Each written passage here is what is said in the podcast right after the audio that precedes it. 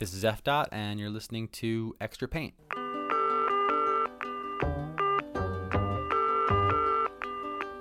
Hey, my name is Eric Friedenson, aka F Dot. Extra Paint is a podcast for muralists, artists, and art lovers of all kinds.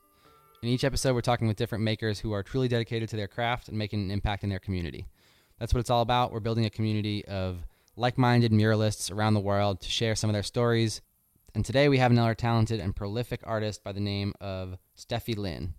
Steffi is an illustrator and muralist from good old Austin, Texas, now living in Brooklyn, New York. She started her brand Have a Nice Day simply because she wanted to create things that spark positivity in other people.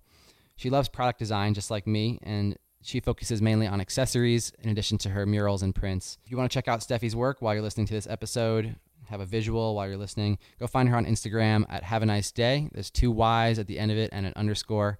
And of course, go follow us at Muralists to keep up with what we're doing with the podcast and all the other artists we're featuring. All right, let's go talk to Steffi. Hello, how's it going, Steffi? Welcome to Extra Paint. Hi. Um, it's going well. Um, and thank you for having me.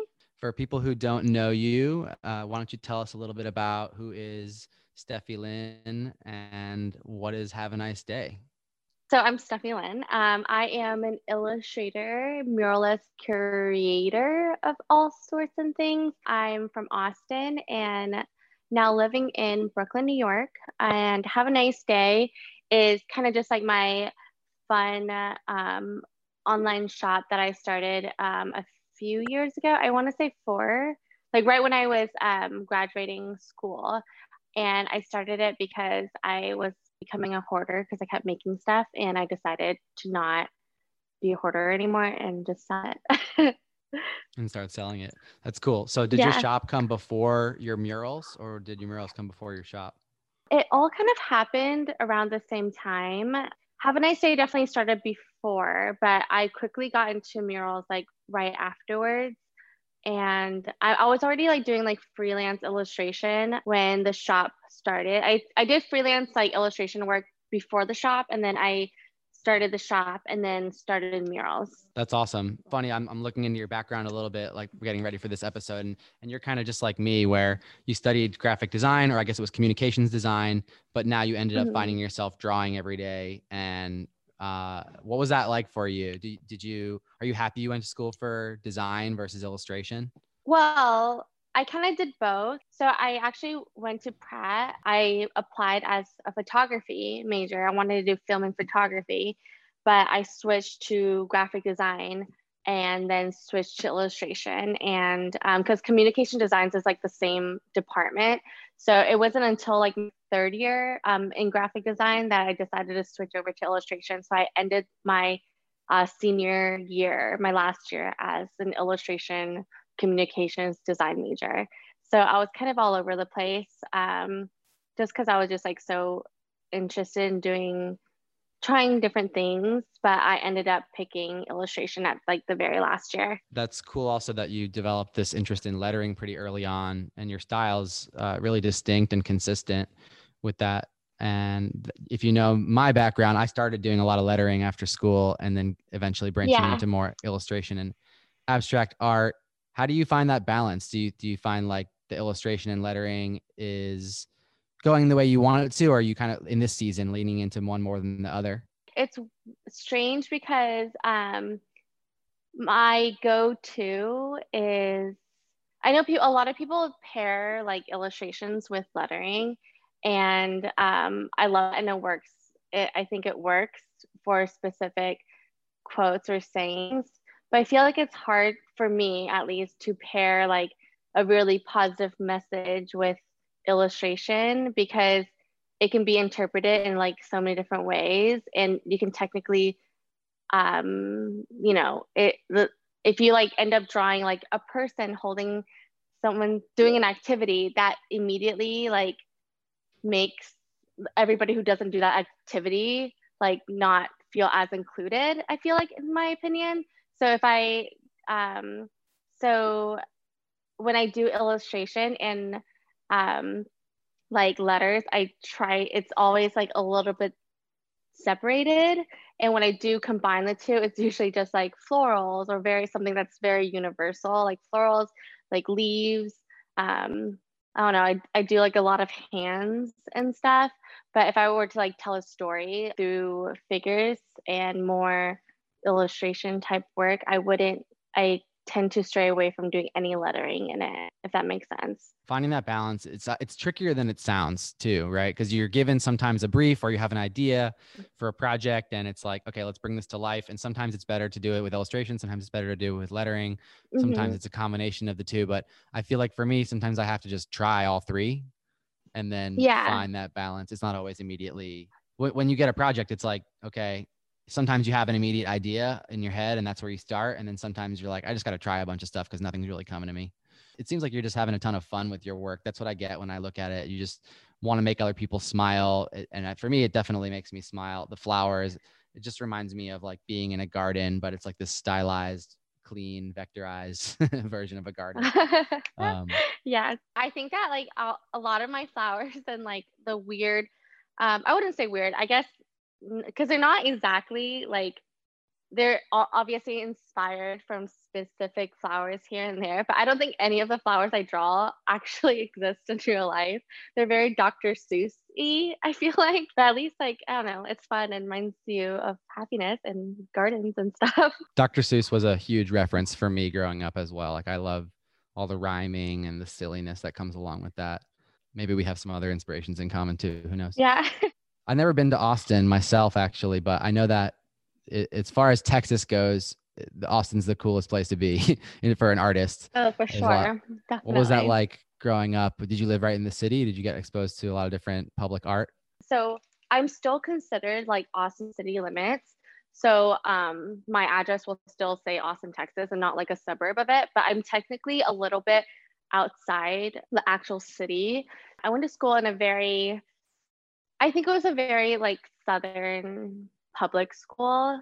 I was always like really interested in art and I loved going downtown and seeing like the different murals and street art and like Austin's like super quirky and there's a lot of very um Austin type places and locations and just like the colors and like then um it's very outdoorsy but where I like went to middle school, high school and elementary school I grew up with a lot of Um, more traditional Southern activities. Like everyone like an athlete and we had like very big homecoming games, Bible study after school with like pep rallies and very stuff I'm not used like that I like um as an Asian American I wasn't it was like very new for me and I really wanted to fit in so um I like I was a competitive dancer throughout high school and middle school and so I was like always hanging out with like the athletic crowd like the athletes and um doing super school spirit like fun you know sport stuff but I also had a weird like I had like a side that's very creative and I had like very two different groups of friends um because they didn't really mesh that well so growing up was kind of strange cuz I'll like do a lot of like stuff at home like on my own. I didn't really have a lot of like I didn't go to art class or I didn't I actually never went to one single art class growing up and I was just doing it at home and I would make my space layouts and I like did a lot of coding. I learned Photoshop and I did um a lot of Tumblr like photography and illustration all like online like in my like room and meeting people through Tumblr and Flickr and all this stuff. But then in real life, I had like my athletic friends.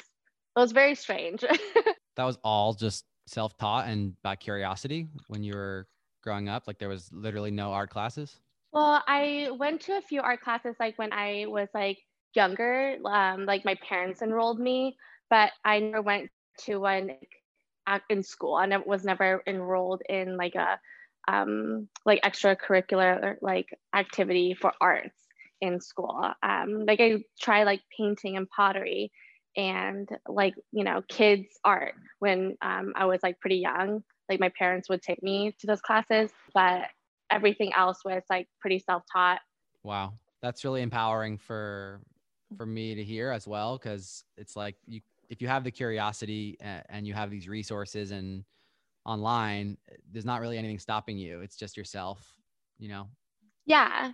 And like the community, online community for that stuff got like bigger and bigger and bigger. And I would just like, it was just so um, interesting. And it really like helped me learn a bunch of stuff because I like watched videos and like there were um, like little tutorials. And by watching a lot of that stuff, I like learned how to like code. I learned how to like make my space layouts and use like Photoshop and I didn't like feel the need I guess to go to art class or maybe uh, maybe not need but I felt like doing it myself like at home and um, at my own pace was more like um, was more helpful than like going to like an art class at high school that's like paint an apple or I don't even know how art classes are. Yeah.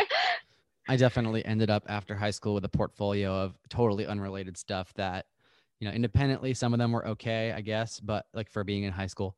But you know I, it's nice when you can have that time that creative time and just steer it yourself if you're that kind of self starter you know there's so mm -hmm. many cool resources and projects online that you can be a part of.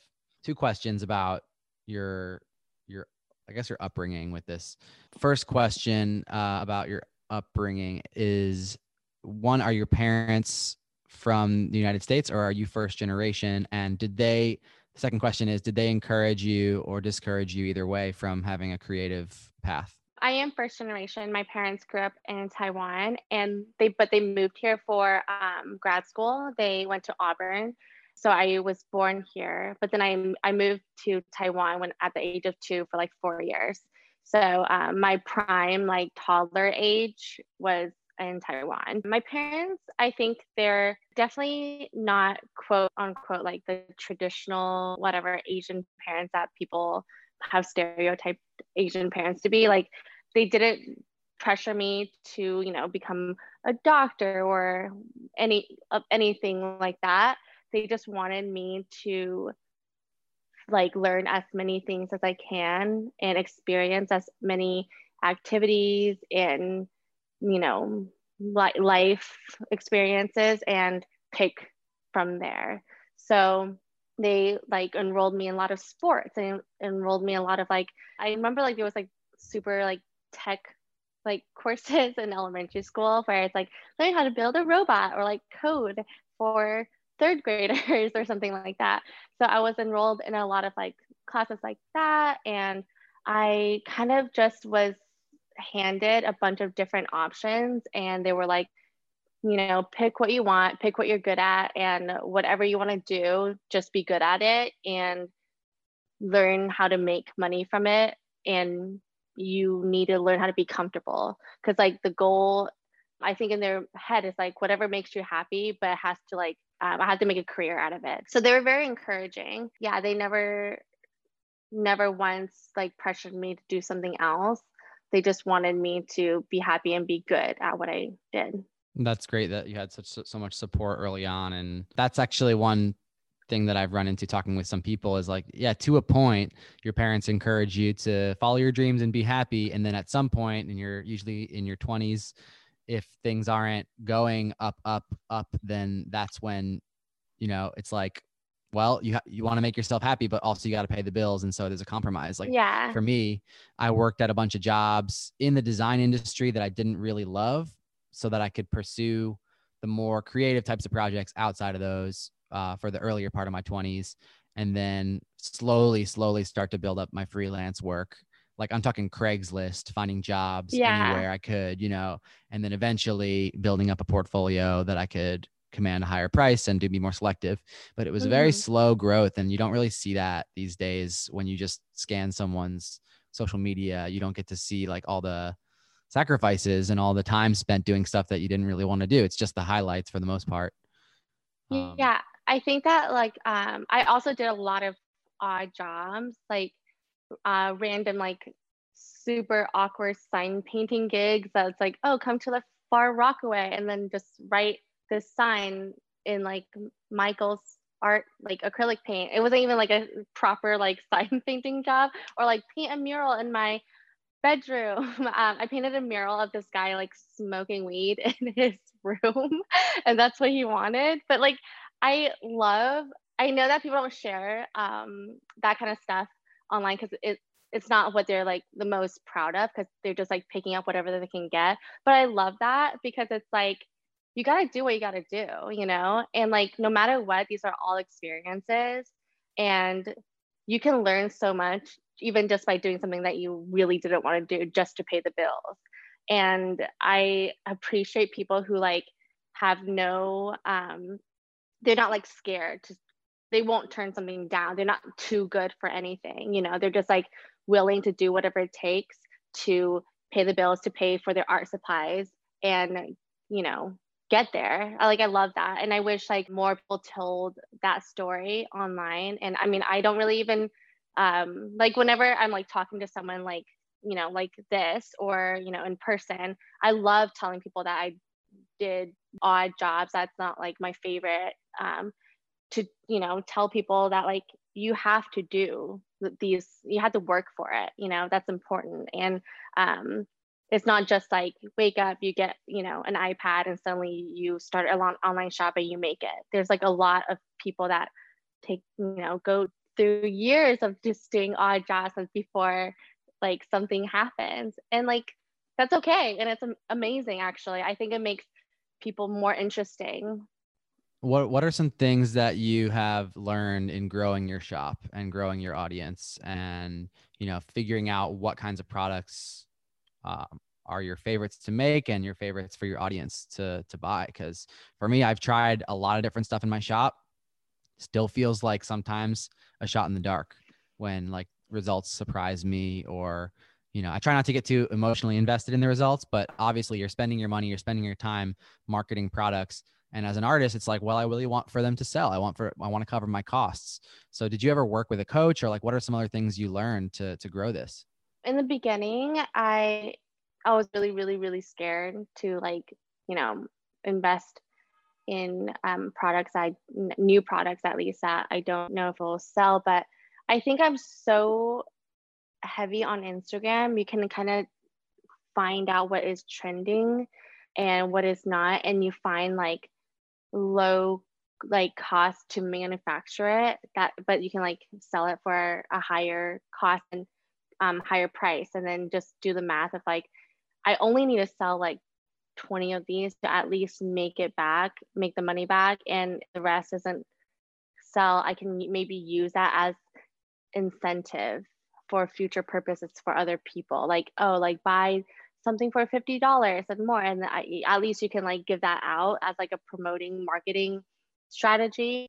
I definitely try to include my followers and a lot in the products I make because you know they're the ones buying it. So um even though like of course you want to make what makes you happy and at the day you're doing it for me but at the same time you're not buying your stuff you know your uh, your followers are. So I try to do a lot of like polls like what do you guys interested in? Like, are you guys more interested in home goods right now? I think it's always going to be like tricky though, because you know, you just like really never know um, what will hit and what won't. I've definitely invested like a lot of money in specific things that I was like wow this can be such a good idea and it ends up being such flop but at least you you have the items and you can like maybe like I said in the um, beginning that you can like use as marketing a marketing strategy later on or um an incentive. I'm still learning here and there cuz some items I make I'm like I don't it's not my favorite thing to make but people really like it. So, you know, that's great. And then some I'm like, "Oh, this is amazing. I like really am so excited about this product and no one likes it." So you really just never know. I think every artist has to draw that line for themselves when they're if they're really excited about something, they could continue go down, going down that path regardless of the response, and then hope that over time it'll find the right audience with consistency.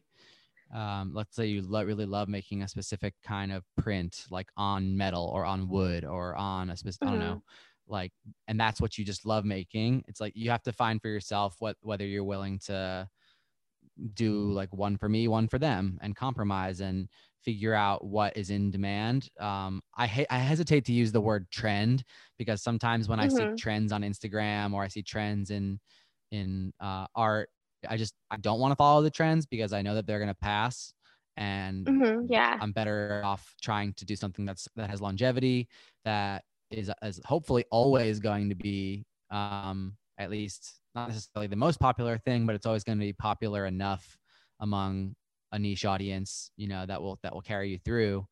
But yeah, it's very much a personal decision of like stay true to your vision and only create what you want to create. I know a lot of artists like that here or be a little more flexible or do both, you know.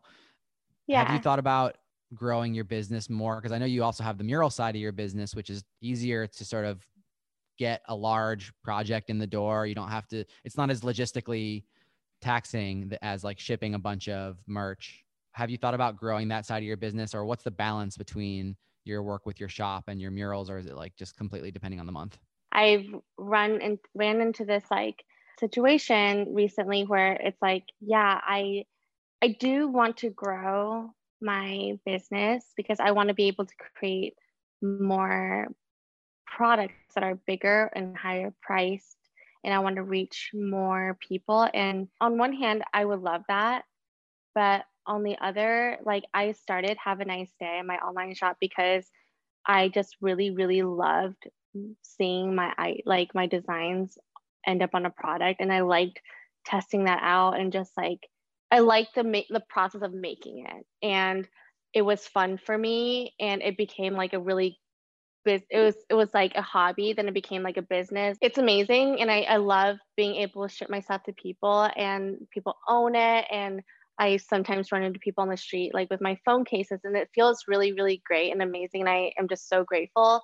But I never want it to be like work where I'm like bummed about having to go pack orders for the day. Like it it brings me so much joy and if I grow I am worried that it will not bring me joy more because I like how I can touch every envelope right now. I literally love writing everyone's name. And as you grow your business, you can't do everything anymore. And I don't want to become, I don't want to like send my stuff to a distributor and have them, you know, do the packing because then I don't touch, these don't feel like gifts anymore. They feel like they're just ordering from a big company. I love the personal side, the personal touch to everything. So I don't think I will want to grow my grow have a nice day much bigger than how it is now unless I find like a good balance of personal touch and you know being able to distribute more. And for murals I I don't know if they're balanced. It really just depends on the month. Um but I want to say that I do a pretty decent amount of both every month um, one is just more day to day and the other is like I travel and it's like I'm gone for like a week doing like a bunch of stuff and I come home. Um, so one is just like a bigger production than the other. Thanks for breaking that down. I really resonated with what you're saying in terms of adding personal touches to each package.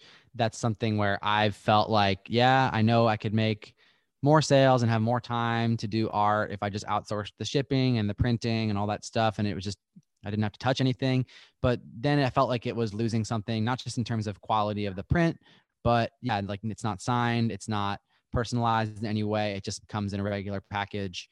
And I don't think it's like a fake company, but I do think that it it it sort of says what your brand values are right there. When someone gets something in the mail, yeah. if it's not super special, it means that the details don't matter as much with with uh, the way that you want your work to be enjoyed when it's received, which is I think first impressions are so important online and in person and when someone gets their first package from you from your brand, how do you want them to feel? And you can really control that experience when you keep it in house. So for a little while I was doing unsigned prints through uh, a company called Printful and then last mm -hmm. year I just completely stopped doing that and now I only do signed prints and cards and stuff and it's all shipped from my studio but it got to the point where I couldn't do everything myself and I had to bring on some help. So I wanted to ask like do you also have assistants that help with shipping at all or if you still are literally doing every single thing yourself? I have an amazing assistant. Um she's also an illustrator, um Laura Subnick. She comes in a few times a week or comes like when I'm out of town and helps with shipping and everything but like she also has like a small business too so she really cares about like the details and making sure that this is like a person to person a creator to you know another a creator to someone. It's like a gift. So um when she and I pack orders it's very like you know it's very fun and I still write the names on all the cards and I just like leave it here for her to pack if I have like other um, things going on. So yeah, she helps me a lot when I'm in town and also just in the studio for orders. But I also have another assistant, Danielle. She is in Texas and she helps me with murals actually. So Danielle travels with me whenever we do big work murals um around the country. Yeah, and she just like flies to meet me. It took me a really really long time to finally um assistance because I'm just so I feel like I'm a little bit of a control freak just because I'm so paranoid that something's going to go wrong. And I if anything goes wrong I would want the blame to be on me you know? Like I would want to take the blame. I don't you know because then I feel like this is my thing. This is I'm responsible for everything. I need to take the fall. So if I include other people in it I don't want them to feel bad or like I don't want me to be upset if someone messes up or something. And it was really hard for me to not need to do everything. And it's nice to say oh this whole thing was is run by I did everything myself. But at the end of the day you can't do everything yourself. And in the last 2 years I got um Laura I hired Laura and Danielle and they are amazing and it's been life changing and um I love that they help me with so much. And um it's just also nice to be able to like talk to another creative and just like have back and forth and like brainstorm together because you get to like pick someone else's brain and you're not just like talking to yourself all day and making all the decisions by yourself. They're amazing.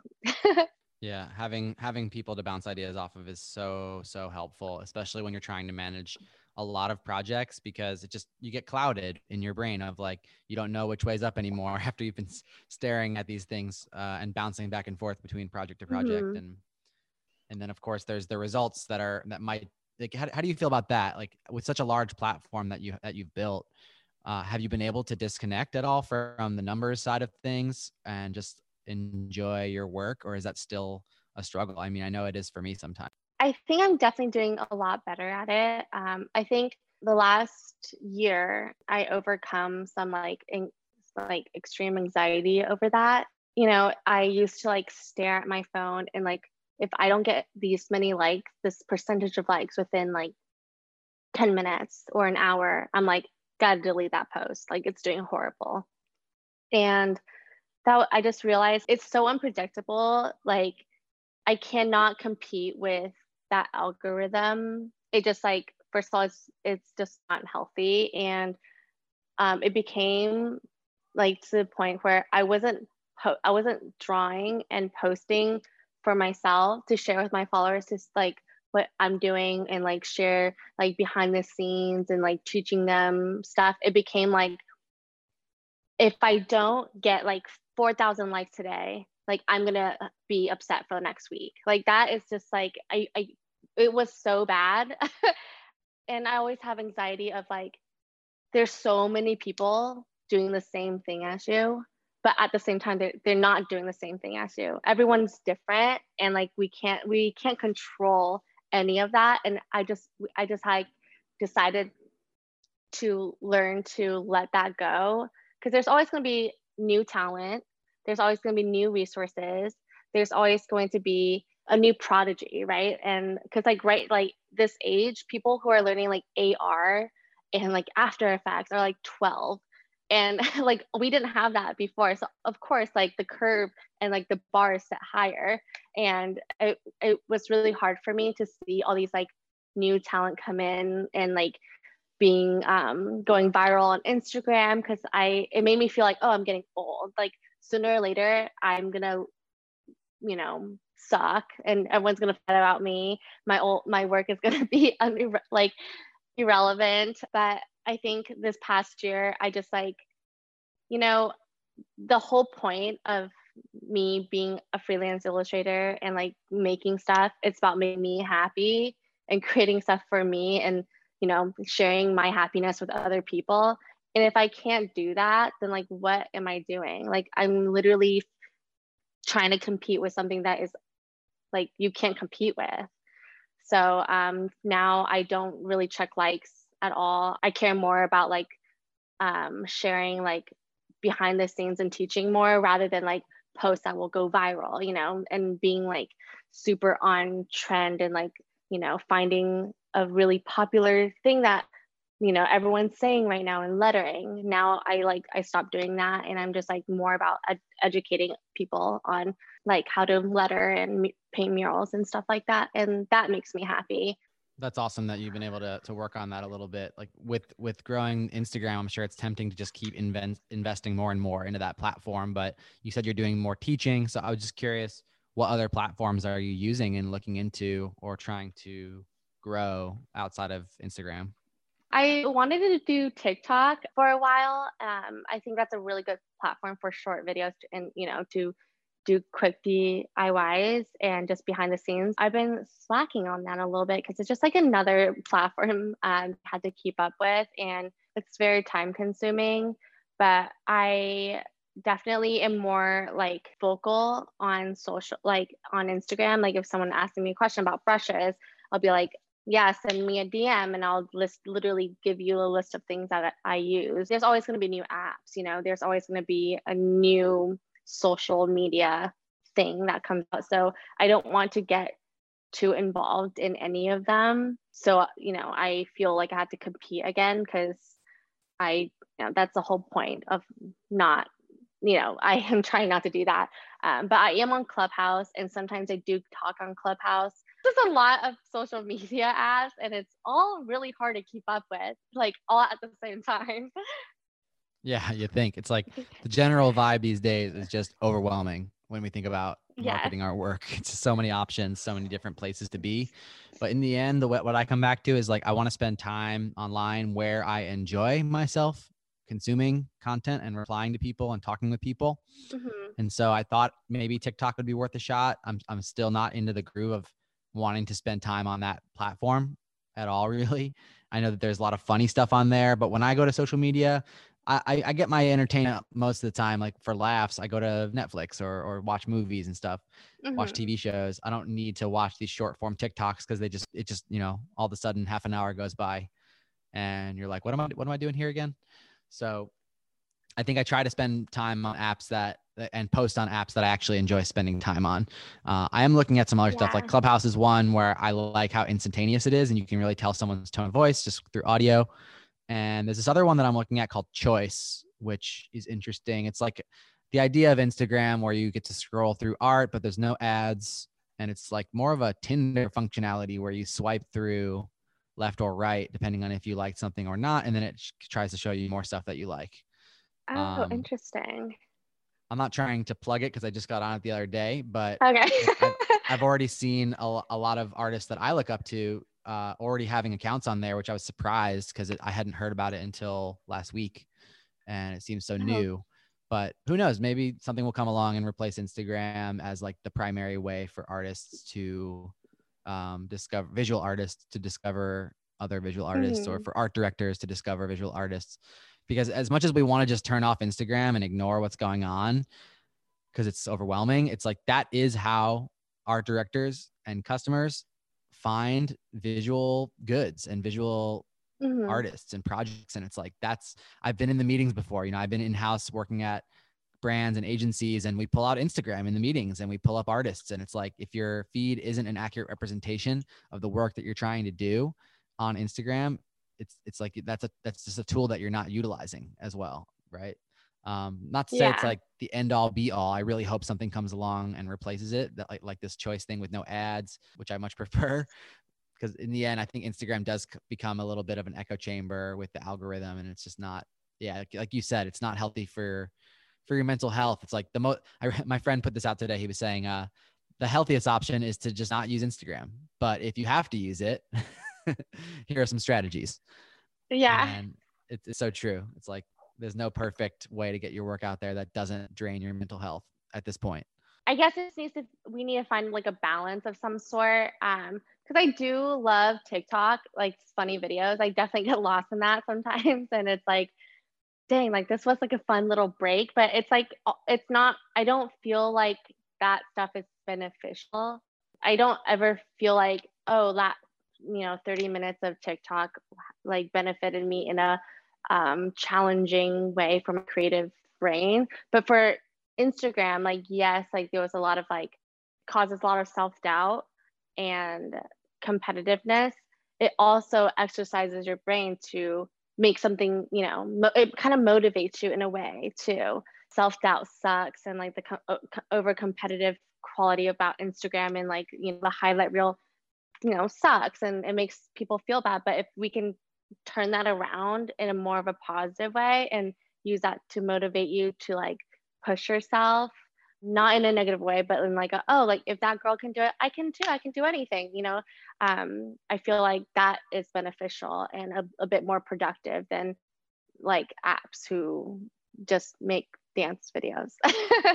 Yeah for sure. And it's funny how personal and professional continues to blur when we when we have these tools that sort of start out in one way and then they get used for something else.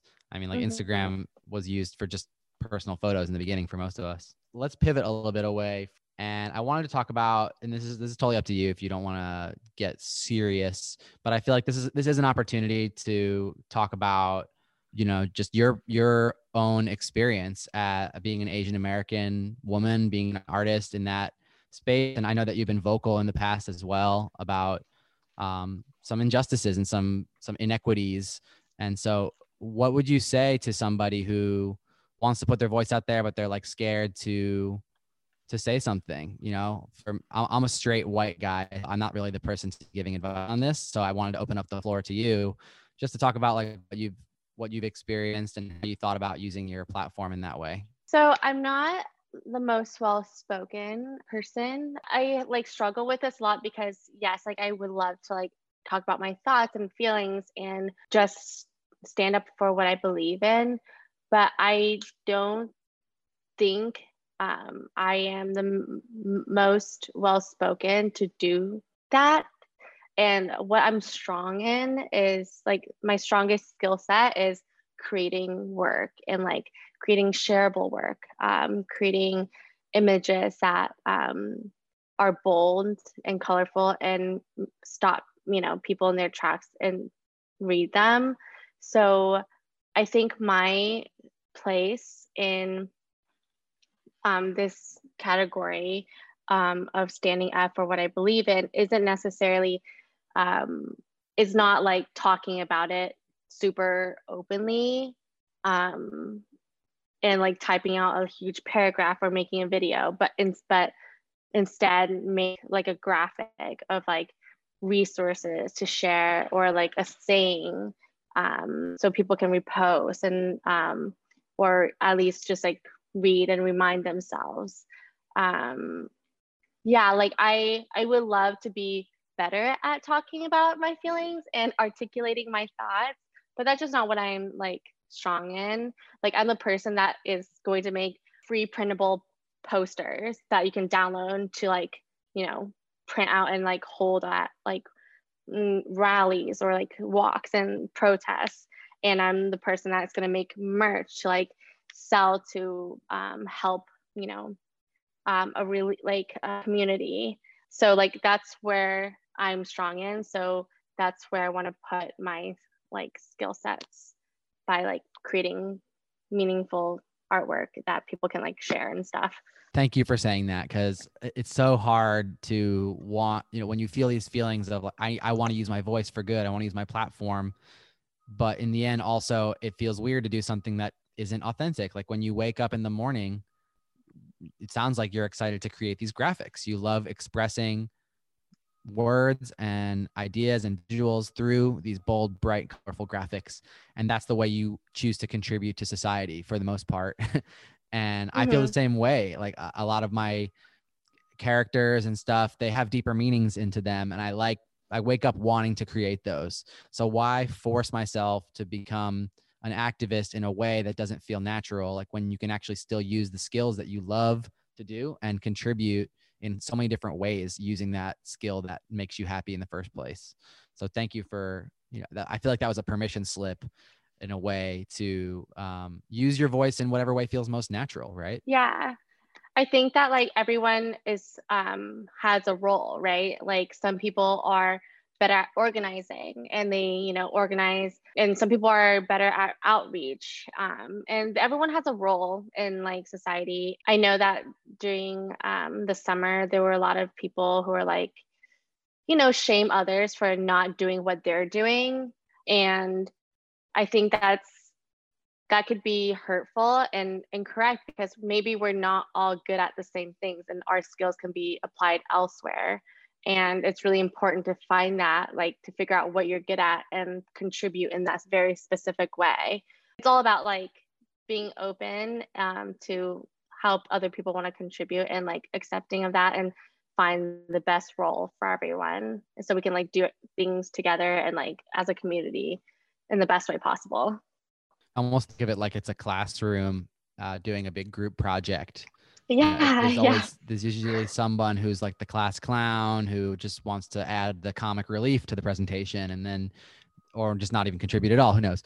But yeah, i think letting people do their what they're best at and and just giving that permission to yourself as well is so important. Uh, otherwise it just feels like we have to be everybody everything all the time like with yeah especially when there's people out there shaming others for not using their platform in the way that they think is the right way to use it um, that's just it sounds like it's it's a lot of people when when there's multiple voices saying stuff like that. Not necessarily to you but i've seen that criticism of my friends before of using their platforms or not using their platforms in a way that was the you know someone else's the way someone else deemed fit. Um it seems like there's a lot of those voices but they also just tend to be the loudest voices that like people who are have something negative to say. They mm -hmm. tend to shout louder than the rest. I want to respect your time uh, how can people support you online and follow along with what you're doing? People can support me by following me um, on Have a Nice Day with two Y's and underscore, which is so annoying to like promote because it's so awkwardly long and I had to say underscore at the end of my Instagram like handle. Um, maybe one day I will actually be able to purchase Have a Nice Day. I just need the girl to answer me back. spend six years trying to buy it. Um, but you can follow me um, on Instagram and my online store is it's haveaniceday.com. But yeah, thank you so much for coming on the show, sharing your time next time we'll have to dive more into the murals because I think this was like your business is so complex and has all these moving parts, uh, at least for someone just getting started with this stuff. So I, I wanted to dive more into the shop mm -hmm. stuff. So thank you for sharing some behind the scenes of that. Yeah, thank you for having me. All right, everybody, another episode in the books. That was a great conversation with Steffi. Thanks so much for making time to come on the podcast. If you enjoyed this conversation, remember to go follow Steffi and show some love for what she's doing. Pick up some stuff from her shop. If you want to follow me, you can find me at fdot, that's E-F-D-O-T. Go join our conversation by following on Instagram at muralists, that's plural, muralists. Go sign up for our newsletter if you want to get notified when the new next episode comes out. We're also planning on starting up a Discord community pretty soon, so keep an eye out for that. Thanks so much to Jessie Mordine for helping with the back end of the muralist community. She's been working so hard and just finished grad school, so now we're going to be collaborating a lot more on things going forward. Big shout out to Anya Brennan as well for doing what you do with audio waves, making the podcast sound so good. All right, until next time, keep pushing paint.